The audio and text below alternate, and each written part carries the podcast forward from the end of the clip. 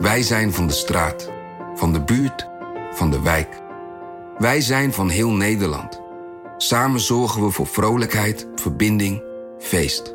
Samen brengen we in één jaar tijd 349 miljoen euro bij elkaar. Miljoenen waarmee onze goede doelenpartners de wereld groener, gezonder en rechtvaardiger kunnen maken. Nationale Postcode Loterij. Samen voor een betere wereld.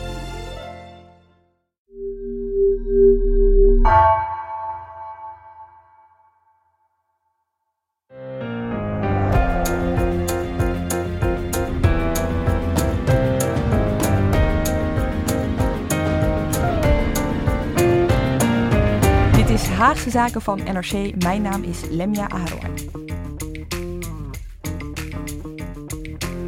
Met nog vier maanden tot de Tweede Kamerverkiezingen hebben de meeste politieke partijen hun verkiezingsprogramma's al gepresenteerd. En we weten dat de meeste van jullie ze niet stuk voor stuk en van kaf tot kaf zullen lezen. Maar daar hebben jullie Haagse Zaken dan ook voor. In deze aflevering bespreken we wat er nu al bekend is van de partijprogramma's. Je hoort over verschuivingen van partijen, over verschillen, over overeenkomsten. En we gaan toch al een beetje formatietje spelen. Welke partijen vinden elkaar op welke onderwerpen? En vooral de onderwerpen die na maart volgend jaar dus sowieso op de formatietafel liggen. En dat doe ik met Marike Stellinga. Marike, jij uh, hebt de nobele taak op je genomen om uh, de meeste partijprogramma's door te lezen. Welke zijn het? We hebben deze keer de, ons geconcentreerd op de verkiezingsprogramma's die uit zijn van de grote partijen. Uh, ook middenpartijen, PvdA, SP, D66, CDA, VVD en GroenLinks. De Partij voor de Dieren, SGP en 50PLUS zijn ook al gearriveerd, maar die zijn wat kleiner en uh, ja, daar hebben we nog niet zo'n doorvrochte analyse van gemaakt als van deze. Oké, en um, ik kan me voorstellen dat je als je, ze, als je er zoveel leest, dat je wel een soort van terugkerende clichés gaat teruglezen. Ja, zeker. Over corona zijn er inmiddels heel wat clichés, want corona is namelijk een vergrootglas dat laat zien wat er mis is in de Nederlandse samenleving, of een contrastvloeistof, of een, uh, ja, je hebt allerlei vormen van dezelfde beeldspraak zie je terug in de partijprogramma's. En we hoorden hem al eventjes lachen, maar uh, Mark Liefse Adriaanse, die is er ook bij. Overigens zitten we allebei, alle drie ver van elkaar, we zien elkaar niet. Mark, wat vond je zo grappig? Laat ik daar maar even mee beginnen. Ja, ik, dat vergrootglas. Want altijd als Marieke en ik, en ik elkaar bellen en we hebben het over verkiezingsprogramma's, dan komt dit cliché ook voor. En we worden er helemaal gek van. Want bij elke presentatie van een verkiezingsprogramma is er weer iemand van de, van een programmacommissie of een lijsttrekker die dan heel serieus gaat vertellen dat nou, hè, de coronacrisis, ja, dat is wel echt een vergrootglas voor bestaande problemen. En dat hoor je overal. En ik kan het ook echt niet meer horen. En we gaan het waarschijnlijk de komende maanden nog veel vaker horen in de campagne. en uh, ja, daar moest ik een beetje om lachen. Oké, okay, nou, speciaal voor jullie heb ik iets moois. Zet maar je koptelefoon heel, heel goed op. Corona raakt onze samenleving keihard. Mensen worden ziek, mensen overlijden. In de zorg werken ze zich een slag in de ronde en ondernemers doen er alles aan om hun bedrijf te redden. Dit voorjaar werd onze toekomst van de ene op de andere dag op zijn kop gezet. Maar teruggeworpen op de kern kwam door het virus ook naar boven wat uiteindelijk het belangrijkste is. Want we leven toch in een tijd van veel onzekerheid. En, en die coronacrisis maakt dat extra zichtbaar. Uh, heel veel dingen die normaal zouden moeten zijn, zijn onzeker geworden. Uh, wat corona wel heeft gedaan, is dat het laat zien hoe diep die onrechtvaardigheid zit. We zitten in een periode van, van ongekende onzekerheid. Een crisis die we nooit op deze wijze hebben uh, durven bevroeden. Het onverwachte, een pandemie uiteindelijk. En maar het is wel grappig, vind je niet? Want, want een aantal jaar geleden, in 2012, had je volgens mij in 2010 had je ook van dit soort clichés, maar dan piketpalen slaan ja. en een stip aan de horizon. Dus je krijgt eigenlijk bij elke campagne krijg je weer een aantal clichés die alle partijen dan gaan overnemen van elkaar. En daar worden mensen Marieke en ik helemaal gek van. Nou ja, en sowieso zie ik altijd weer dat de Tweede Kamer ook een soort kantoortuin is, waar mensen elkaars ideeën overnemen. Hè? Dus je hebt altijd van die personen die heel erg in zijn in de verkiezingsprogramma's. Dus op een gegeven moment in 2012, volgens mij, was de wijkverpleegkundige de grote oplossing voor de stijgende kosten in de zorg. Toen was het echt, de wijkverpleegkundige was voor iedereen het mantra dat ze bezigden om de zorgkosten in de hand te houden. Nou, en zo heb je elke, elke keer weer een, een favoriete knuffelpersoon of een... Uh, en wie is dat nu? Wie is dat nu?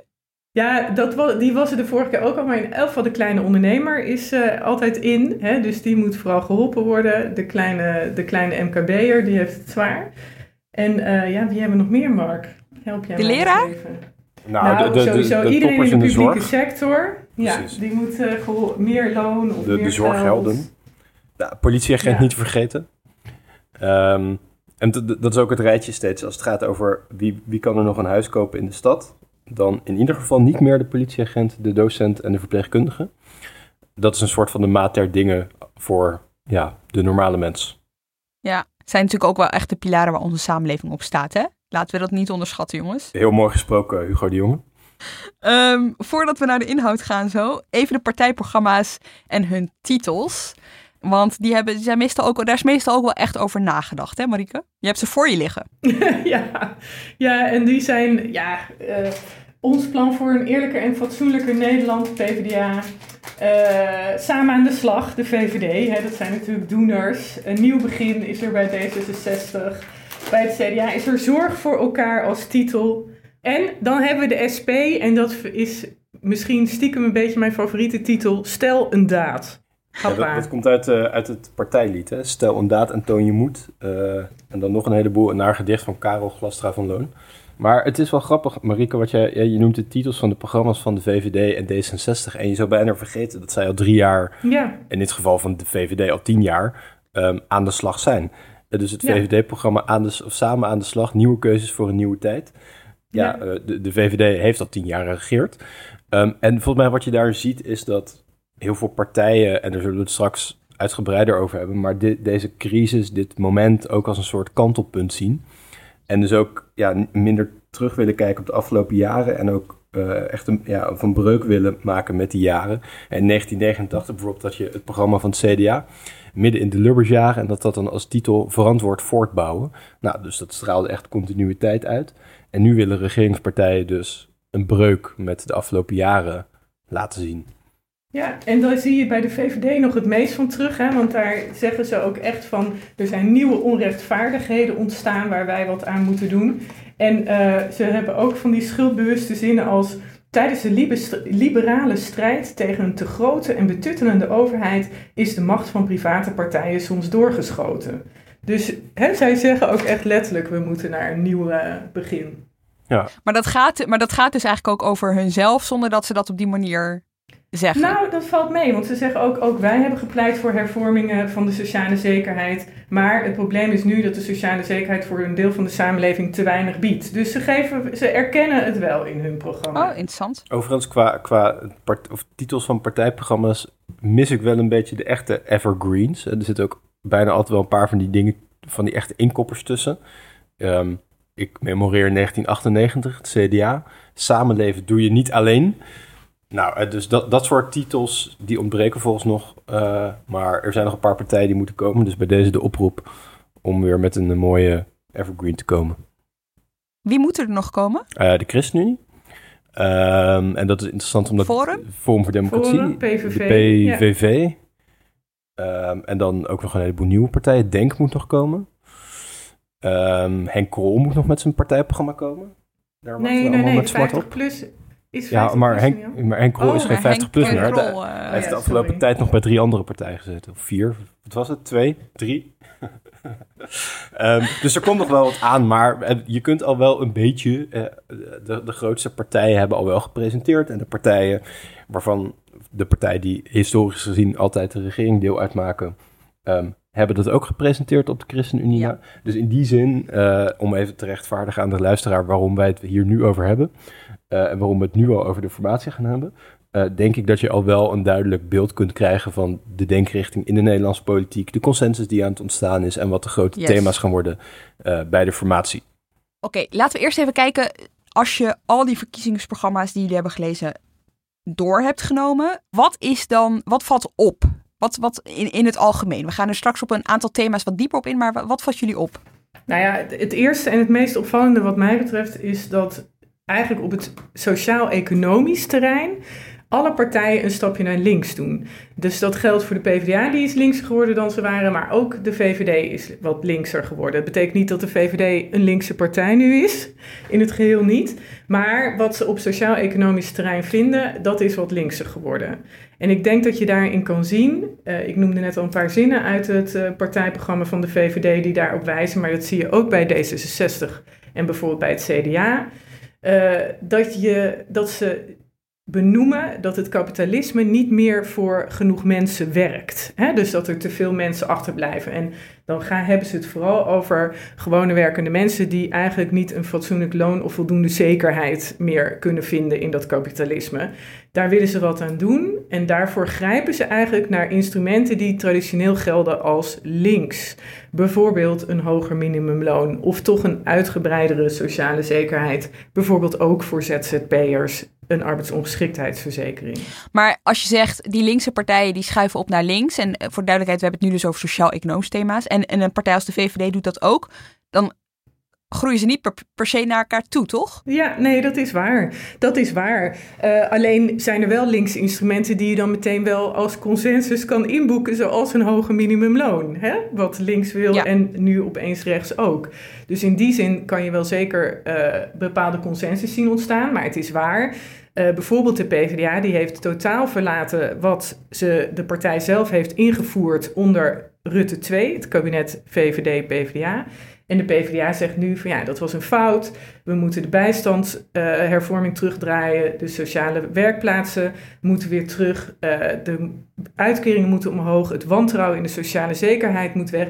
Dus die zijn echt ja, op, ook naar links opgeschoven. En dat maakt het uh, verschil met de VVD nog steeds groot. Dat is waar. Ja, en, maar ik, ik denk ook dat het niet eens zo heel veel uitmaakt dat er dan nog wat ruimte tussen zit. Hoor. Ik bedoel, dat is voor kiezers om te beginnen lijkt me dat best belangrijk. Maar daarnaast denk ik, wat je heel erg ziet in die programma's, en dat is heel erg eigen aan de Nederlandse politiek, dat partijen als een blok een bepaalde kant op gaan.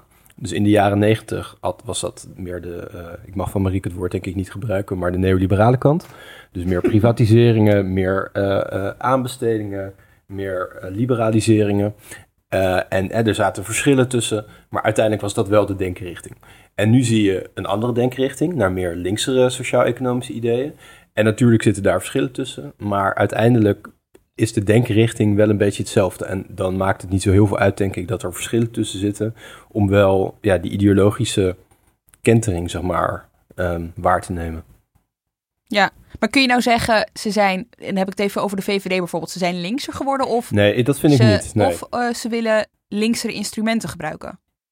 En dan heb ik het even over sociaal-economisch nu, hè? Ja, vind, vind ik lastig. Kijk, de, vraag, de vraag is, wat is sociaal-economisch rechts?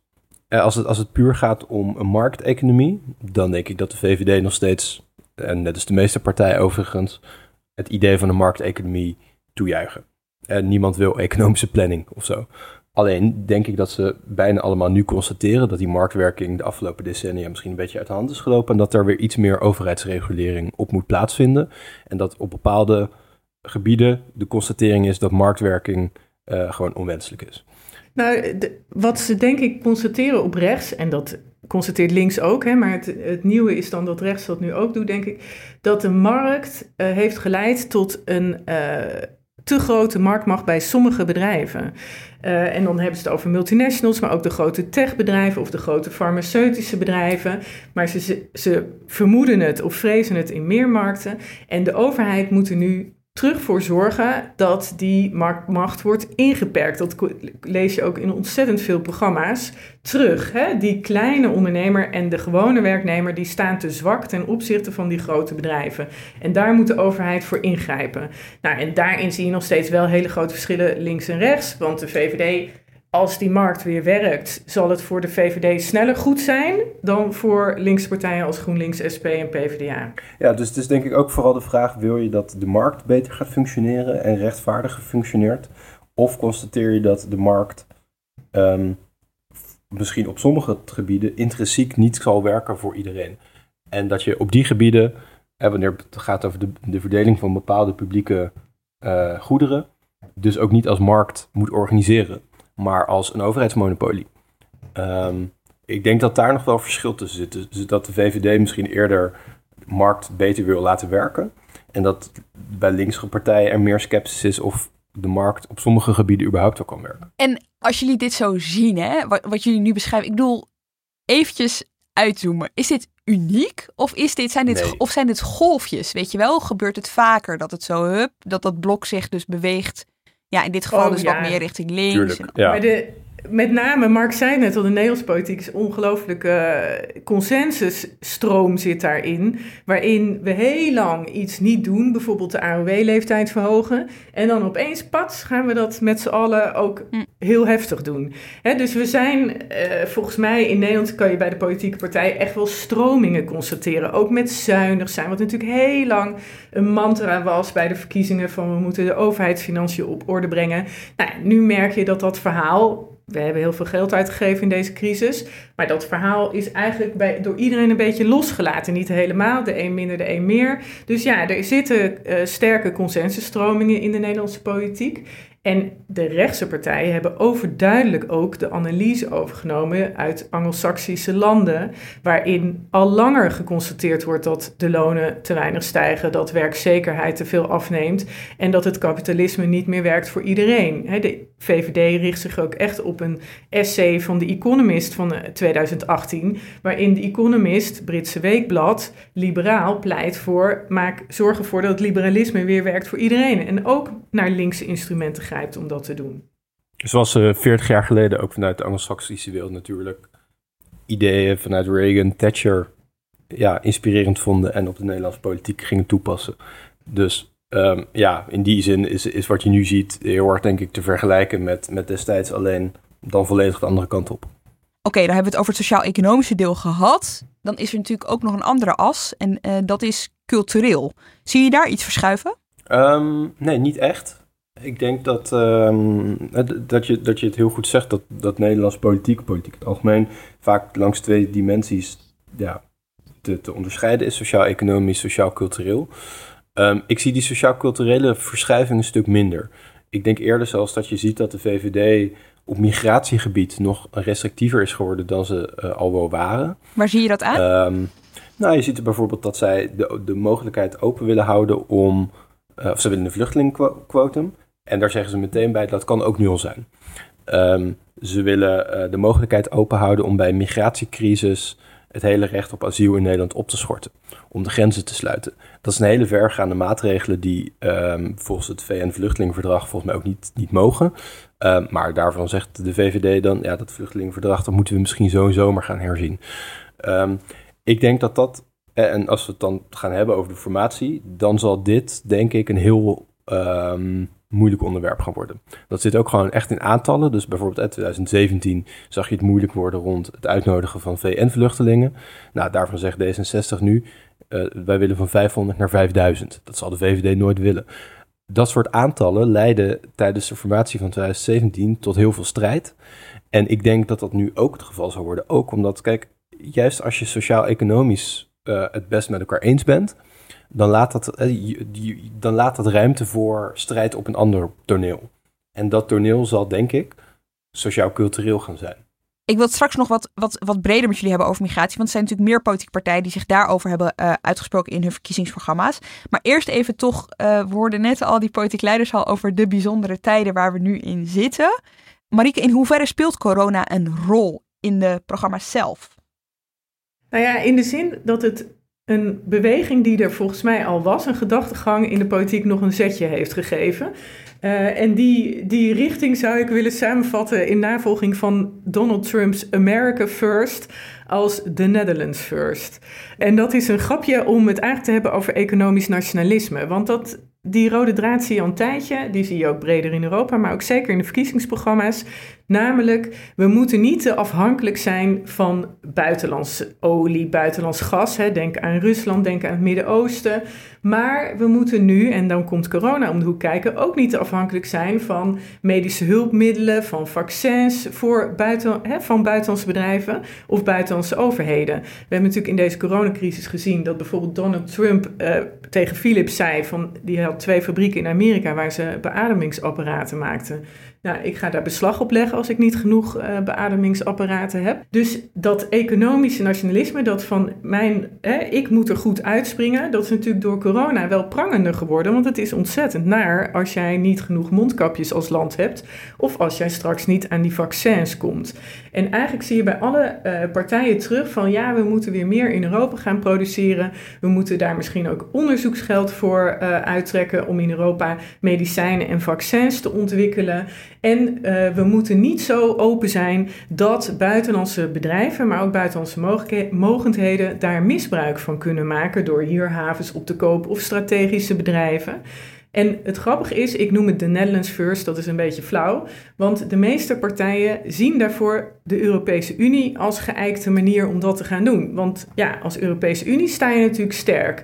Dus dat valt me op eigenlijk over het hele politieke spectrum, dat ze allemaal zeggen, ja, als Europa moeten we meer gaan samenwerken om te voorkomen dat we afhankelijk worden van de grillen van buitenlandse grote bedrijven, techbedrijven, farmabedrijven, maar ook buitenlandse mogendheden. Maar heeft corona dan alleen maar uh, in die verkiezingsprogramma's uh, is dat alleen van invloed geweest op inderdaad dus uh, eerst Nederland, dan pas de rest. Dus dat eigenlijk dat naar, ervoor zorgt dat je het zelf op orde hebt en dat je niet zoveel hoeft uh, te steunen op andere landen.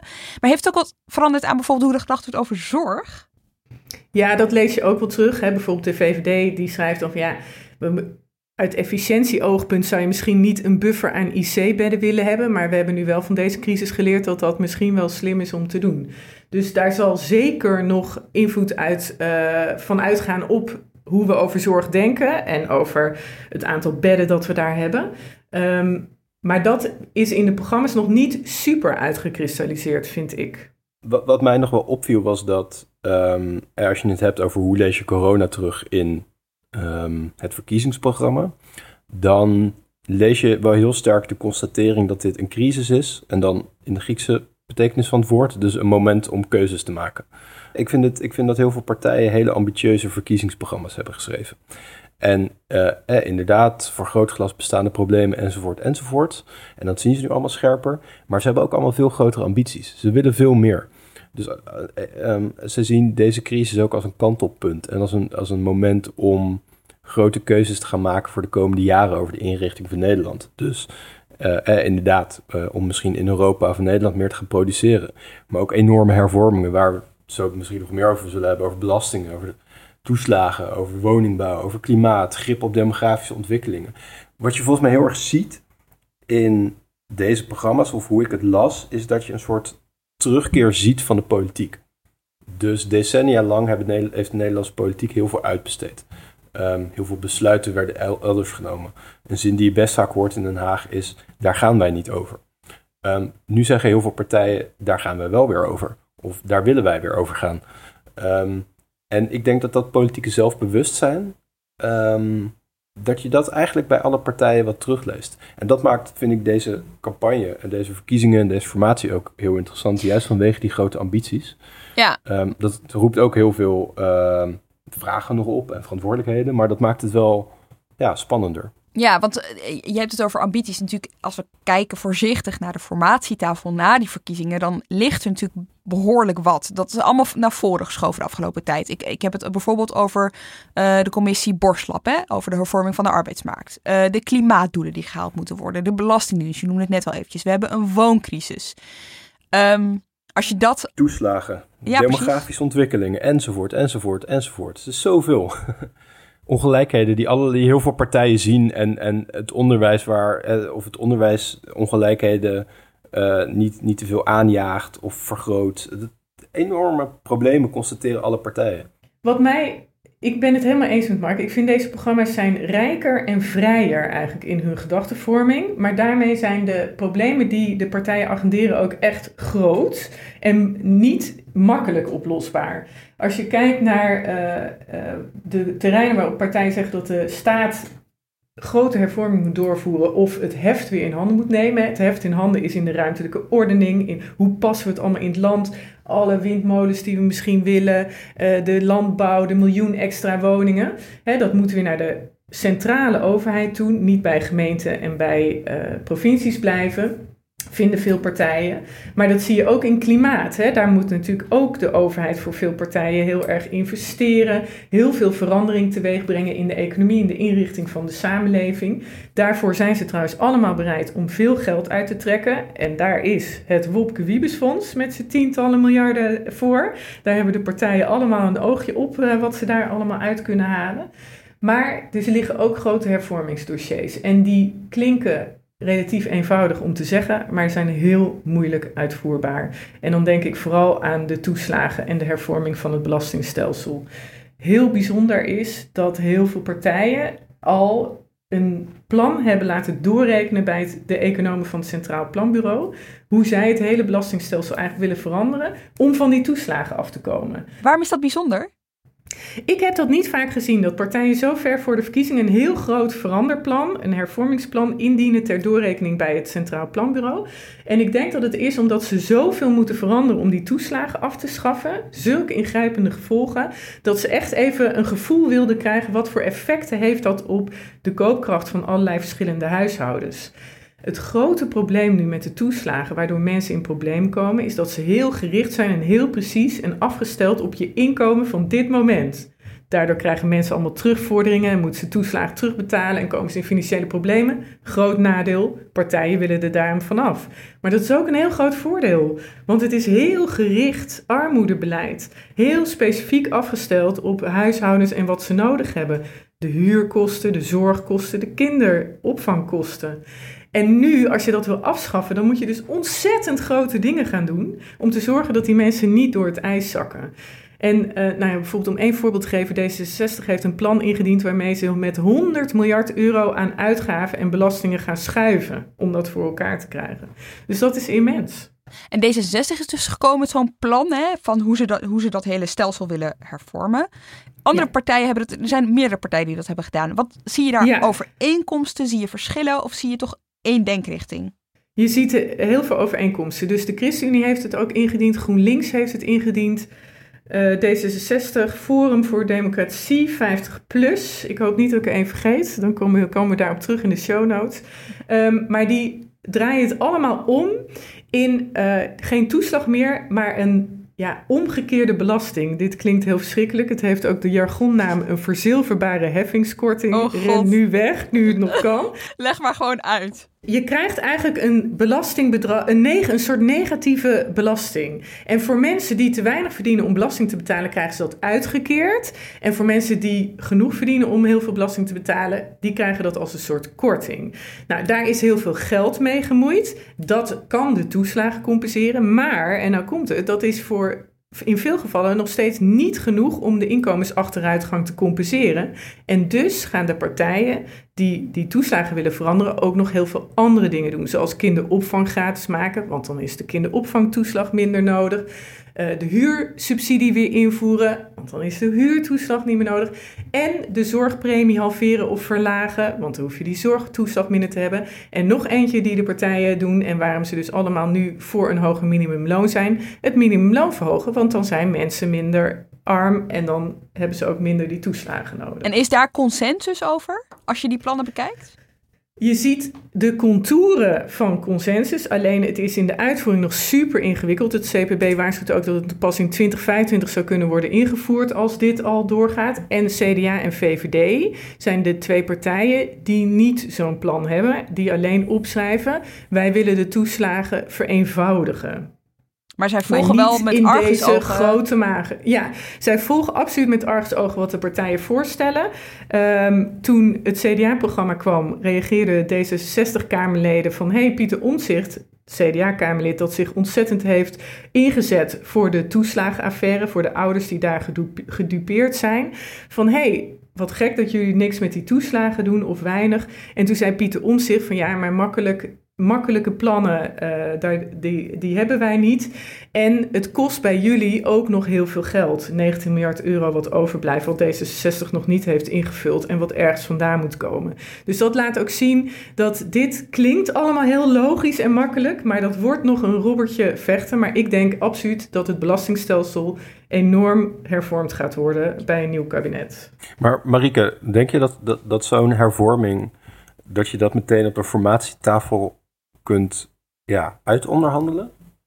Omdat het juist omdat het zo complex is? Of is het meer dat ze ehm, misschien, ja, weet ik veel, een commissie aan het werk gaan stellen en op die manier uitbesteden?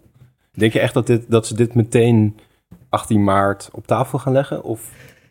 Nou, dat, ik, ik heb daar, dat ze dit nu al indienen ter doorrekening en niet pas nadat de verkiezingsprogramma's zijn doorgerekend, dus vlak voor de verkiezingen, dat zegt al dat ze stappen willen maken. En bijvoorbeeld het Kamerlid Steven van Wijnberg, die dit plan heeft bedacht voor D66, die heeft dat ook in een interview in NRC gezegd van ik doe dit nu zodat we niet er bij de formatietafel achterkomen dat het te ingewikkeld is en we dan weer jaren verder zijn voordat al die mensen die vastzitten in het toeslagenstelsel worden geholpen. Dus die ambitie is er absoluut. Maar ja, of ze eruit gaan komen en nou ja, VVD en CDA gaan dus niet zo ver, Open vraag. Nou, en, en Mark, je zegt al een commissie aan het werk zetten over een andere hervorming, waar het straks tijdens de formatie sowieso zal gaan. Om maar even heel subtiel een bruggetje te maken.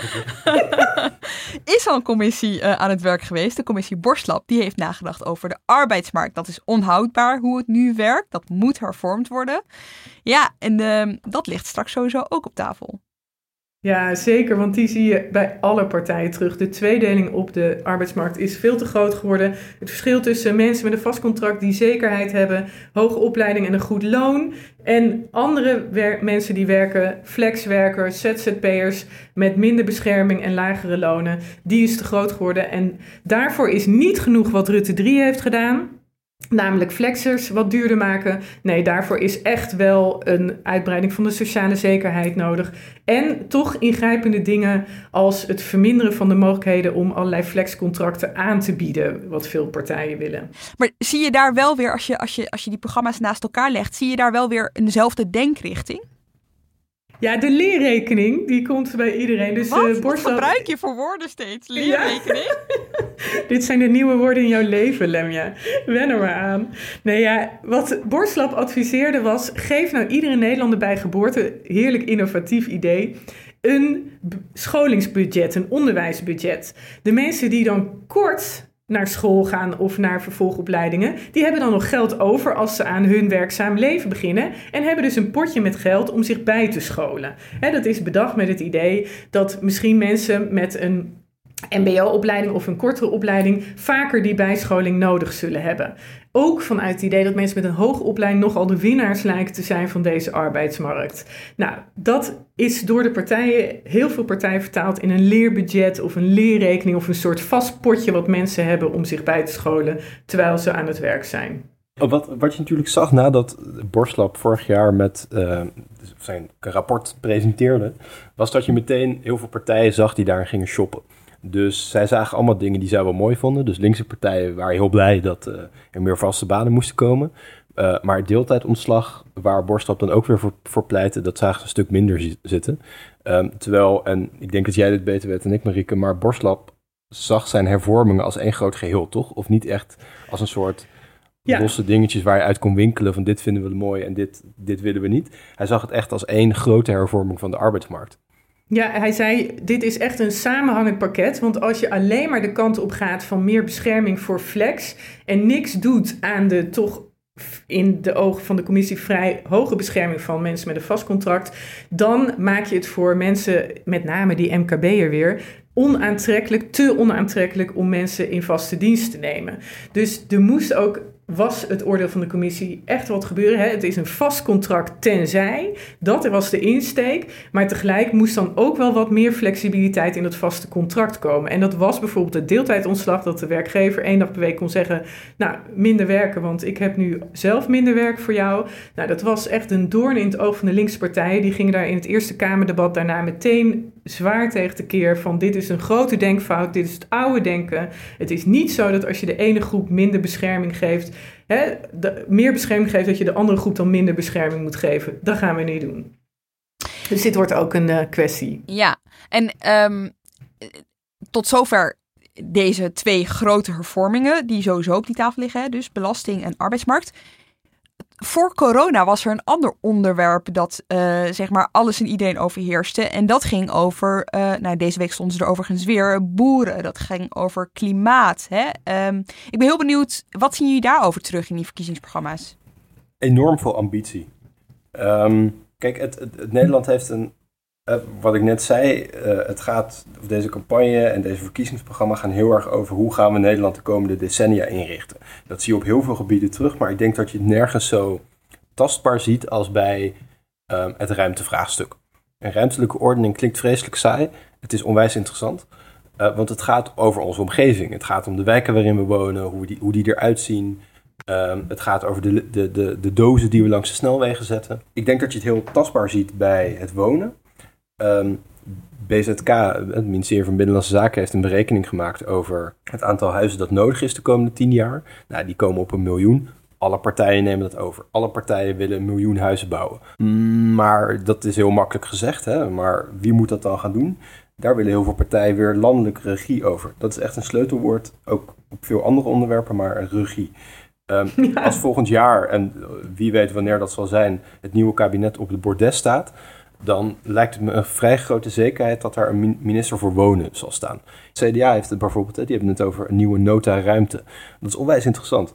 Eh, als je gaat kijken naar hoe Nederland, um, de grote bouwprojecten van de afgelopen decennia in Nederland, die kwamen bijvoorbeeld voort uit de Vinex, de vierde nota extra. Eigenlijk willen zij weer zo'n nota en zij houden ook heel erg de mogelijkheid open om nieuwe steden te gaan bouwen.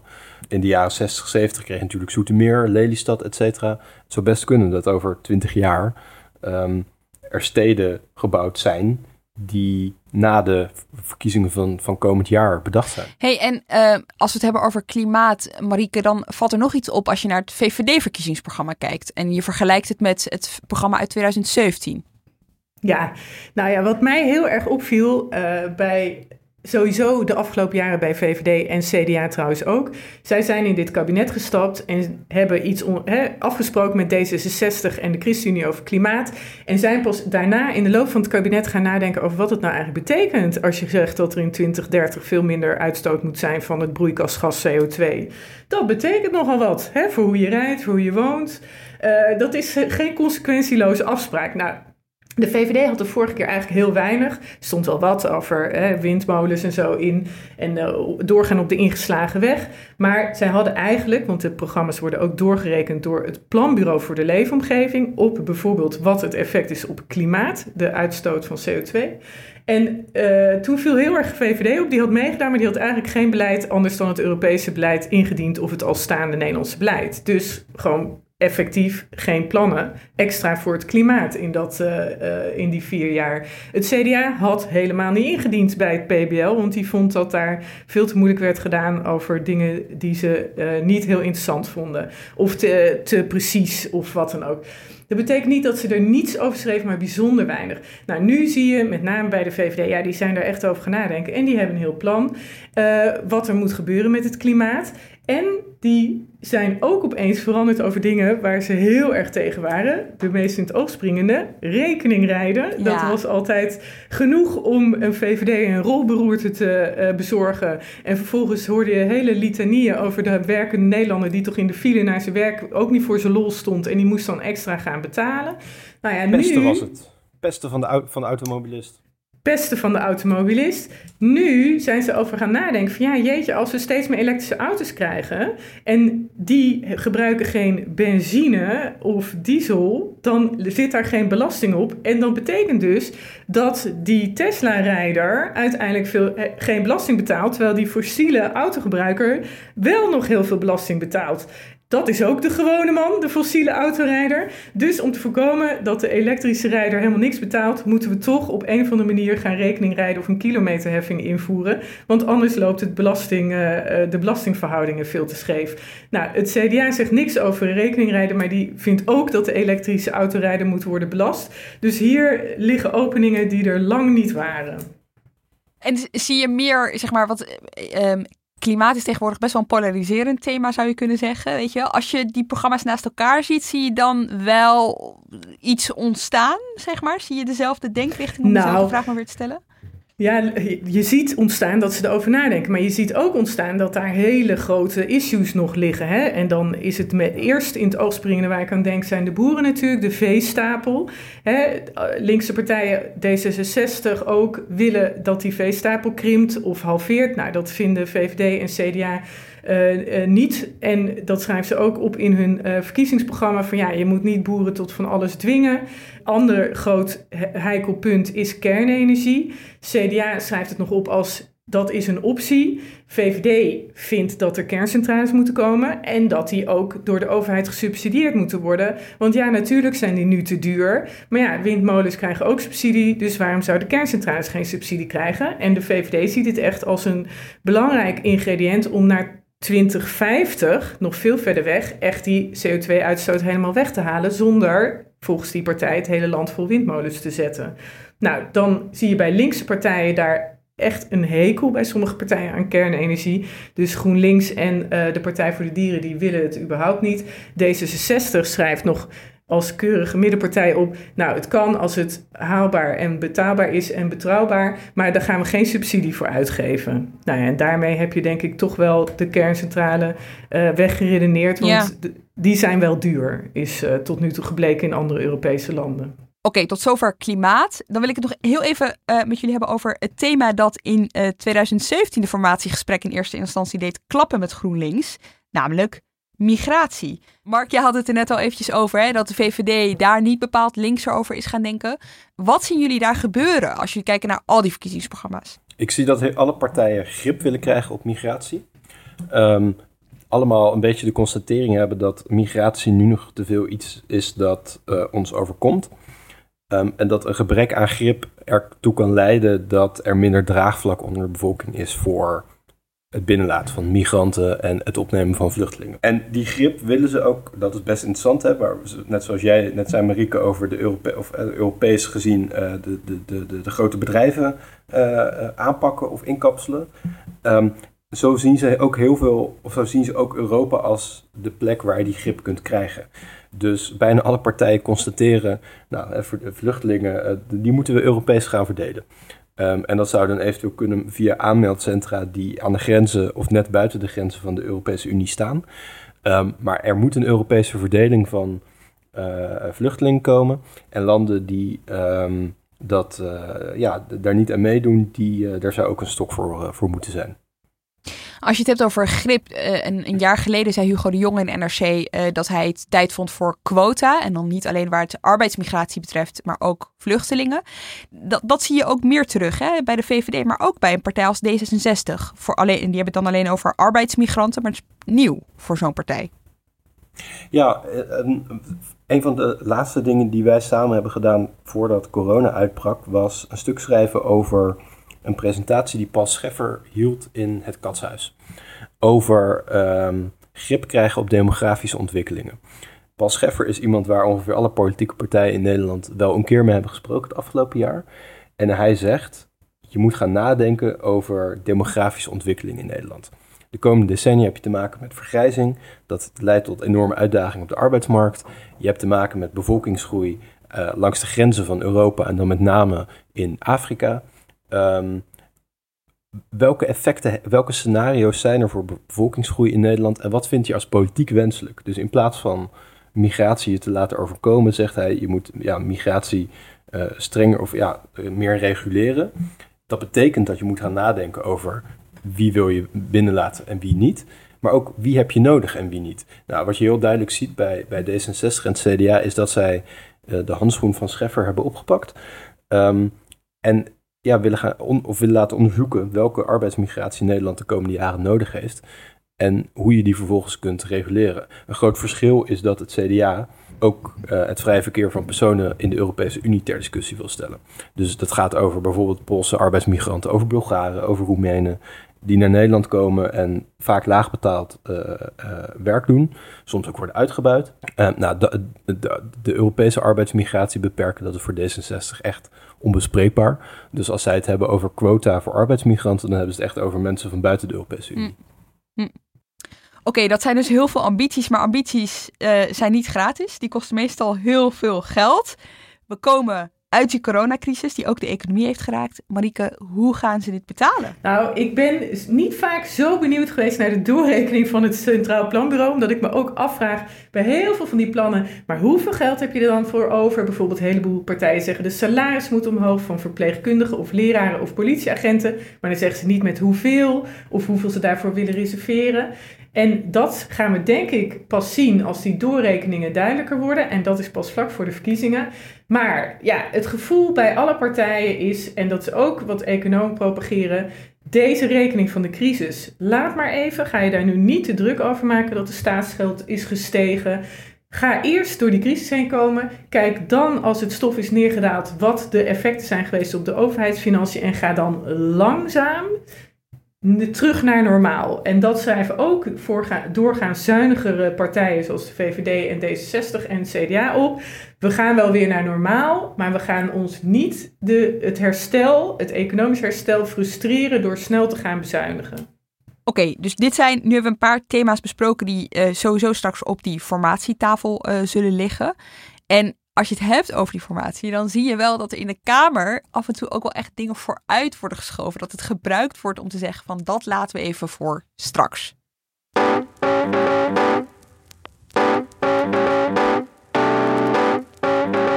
U neemt alvast een voorschot op de formatie. Nou, dat pakken we ook maar even mee. Dat we hopelijk in de formatie eh, de positie van deze kwetsbare werknemers kunnen gaan verbeteren. Tijdens de formatie misschien uh, uh, samen met sociale partners. Bij afspraken over een nieuw kabinet echt gewoon klip en klaar op het bordje ligt van een nieuwe formatie. Het moet wel klaar liggen bij de volgende formatie. Maar de regering lijkt de verkiezingen en de formatie af te wachten. Een onderwerp zijn wat ook bij de formatie aan de orde komt. En dat zal ongetwijfeld een rol gaan spelen bij de komende formatie. Nou, als je dit zo hoort, zou je denken: alles is zo'n beetje vooruitgeschoven naar die formatie. En dan heb je ook nog een economische context waarin alles ja, minder voorspoedig loopt dan dat we een jaar geleden hadden gedacht over hè, wat een, nieuw kabinet voor geld te besteden had. Je zou je kunnen afvragen, wie wil dit nog? Zijn er, zien jullie, ja, zien jullie, zien jullie um, coalities ontstaan op basis van de plannen? Nou, uh, um, ja, ik vind, dat vind ik moeilijk, want het is natuurlijk heel erg afhankelijk van uh, de verkiezingsuitslag. Kijk, wanneer daar ineens een, een zoals in 2012 een totaal verrassende uitslag uitkomt met twee partijen die samen een meerderheid halen, ja, dan, dan zal dat vrij gemakkelijk gaan als het zo ingewikkeld wordt en zo geniveleerd als nu in de peilingen blijkt. Met alleen de, VVD die echt groot is en een heleboel partijen die zo tussen de 10 en 25 zitten, dan zal het een stuk complexer worden. En dan heb je natuurlijk ook nog een, een aantal van die partijen die al hebben gezegd, ik doe alleen maar mee, bijvoorbeeld de PvdA, als GroenLinks ook meedoet en andersom. Nee, zeker. En, en dat vind ik wel het interessante. Dat je, um, kijk, in Nederlandse politiek gaat het heel vaak over met wie willen partijen niet. Waarbij uh, als je dan niet uitsluit dat je met een bepaalde partij wil, dan krijg je uh, een stem op Rutte is een stem op de PVV, bij wijze van spreken. Uh, het aardige nu vind ik dat je nu al wel een beetje partijen ziet die uitspreken met wie ze wel willen. Doe dat is numeriek ook gewoon nodig. Hè. De PvdA en GroenLinks, als ze nu samen staan, is dat niet heel groot. Um, dus als, als zij als een van de twee in de coalitie zou gaan met het aantal zetels dat ze nu in de peilingen hebben, dan zijn ze echt de junior partner uh, tegenover de VVD. Ja, dat is veel moeizamer. Dus de PvdA zal het ook gewoon makkelijker hebben in een coalitie met de VVD als ook GroenLinks daarbij zit. Kijk, ja, en de, en de partijen die uitgesloten zijn nu, um, zijn vooral partijen waarvan je sowieso kan afvragen of, of, of ja, partijen daarmee zouden gaan regeren. Kijk, dat D66 niet met de FVD wil dat vermoeden had ik ook wel voor dat Sigrid Kaag uh, uh, dat uitsprak, ja. zeg maar. Maar Hugo de Jong heeft ook gezegd, het CDA gaat niet met FVD. Nee, zeker. Dus, dus ik, dat is absoluut waar. Dus ik denk dat, dat uh, als, je, als je nu kijkt naar de programma's en naar de partijen die in de peilingen, zoals ze nu staan, en dat is met heel veel voorbehoud, dan zou je wel een soort centrumcoalitie weer kunnen gaan vormen. Um, Voor de VVD lijkt me dit echt best wel ingewikkeld. Want zij zullen hoe dan ook waarschijnlijk met partijen alleen maar links van, hem, van hen uh, regeren, weet je wel. Dus, en als je dan zelf ook komt met een programma dat op uh, sociaal-economische thema's in ieder geval naar links lijkt te zijn gedraaid, dan kan ik me voorstellen dat, dat, dat, dat je je ook wel vervreemdt van een deel van je achterban. Um, ja, ik weet niet of dat zo is, want, want kijk, um, de, ik, twee dingen. Ik denk dat A, um, het, gemoed in Nederland sceptischer is geworden over grote bedrijven en over vrije marktwerking dan een aantal jaar geleden. Dus uh, dat, dat zal makkelijker zijn om daarin mee te gaan. En de mensen die, uh, of de VVD-kiezers die daar, die het misschien sociaal-economisch wat te links vinden, die zullen misschien de cult, het cultureel rechtsere verhaal van de VVD wel voldoende vinden voor een stem. Maar voor de VVD, dat bedoel ik te zeggen, is het zeg maar als ze over links gaan, dan zullen ze op sociaal-economische thema's op links gaan, maar zeker ook op die sociaal-culturele thema's. Of, of hebben ze dan de hoop op het CDA? Um, ja, ik denk de hoop wel. Um, ik denk dat het CDA op veel vlakken um, overigens niet zo restrictief is als de VVD is. Dus uh, het CDA is de partij, denk ik, die op migratiegebied wel eens ja, de brug kan zijn tussen um, centrum-linkse partijen en de VVD. Dus ik, ik zou het CDA niet als een vanzelfsprekende bondgenoot zien voor een restrictief migratiebeleid voor de VVD. Ik denk dat, het, dat die partij het wel makkelijker maakt voor de VVD om met centrum-linkse partijen hier op te gaan onderhandelen. Dus als een soort ja, uh, tussenstap, zeg maar. Hè? Dus ja. het CDA dwingt linkse partijen misschien iets naar rechts op te schuiven. En um, het CDA dwingt de VVD om iets naar links op te schuiven. Ja, overigens kijken ze echt bij de VVD met zorgen naar uh, de, de, de peilingen en hoe hoog het CDA staat. Want daar zien ze natuurlijk ook hè, dat ze het liefst een coalitie hebben uh, na de, na, na de uh, verkiezingen met het CDA. Zodat ze in ieder geval een partij hebben die bij ze in de buurt zit. Dat is nog best interessant.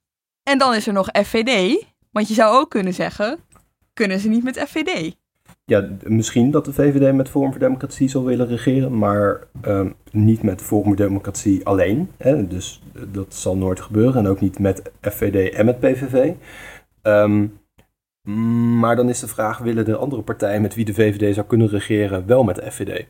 Dus stel dat je een meerderheid zou krijgen, uh, of stel dat er een meerderheid geformeerd zou moeten worden met een paar centrumlinkse partijen of de huidige coalitie plus FVD, dan zullen zeker twee, of nou, dan zullen drie van die partijen dat niet willen met de FVD.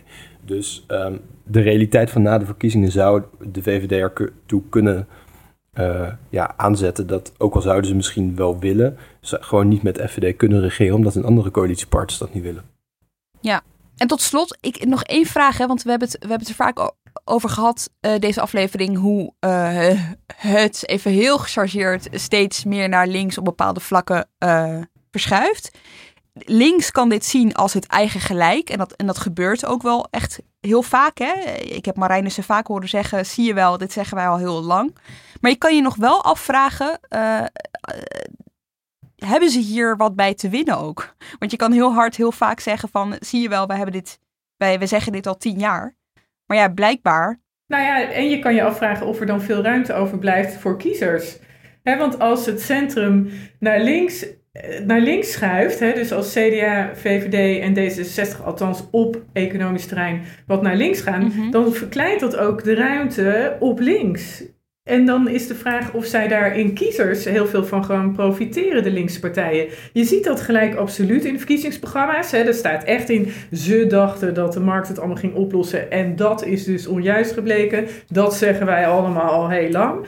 Maar ja, of, of ze daar kiezers voor terugkrijgen, dat is een hele grote vraag in mijn hoofd. Nou ja, ja, ja kijk, linkse partijen concurreren natuurlijk heel erg met elkaar. dus als je ja. kijken naar uh, mensen die GroenLinks stemmen, die komen doorgaans niet van de VVD en zullen ook niet op de VVD gaan stemmen. Uh, als de VVD een iets linkser economisch programma heeft. Um, maar gaan misschien wel PvdA, D66 of SP stemmen. Dus ja, valt er iets te winnen. Kijk, de tragiek van links in Nederland is dat het gewoon een vrij kleine beweging is. Kleiner dan. En Nederland is in de kern uiteindelijk, denk ik, een centrumrechtsland. En Nederland heeft bijna altijd een centrumrechtse meerderheid. En linkse partijen, ja, die, je ziet soms dat de PvdA iets wint in de peilingen. Nou, dat zie je dan bijna altijd er vanaf gaan bij um, de SP of GroenLinks. Dus dat compliceert het ook wel. En dat maakt het denk ik ook dat zij veel meer als blok willen optreden. Omdat ze dan wel uh, ja, macht in het getal hebben, zeg maar. Ja, en de, de, de rechtse middenpartijen kunnen linkse middenkiezers afsnoepen op deze manier. Hè? Dat, dat is het punt. Ja. Ja. Dank jullie wel, jongens. Marieke Stellinga en eh, Mark Liefse Adriaanse. En jij ook bedankt voor het luisteren. Redactie en productie, zoals altijd, door Iris Verhulstonk. Volgende week is er weer een nieuwe Haagse Zaken. Tot dan.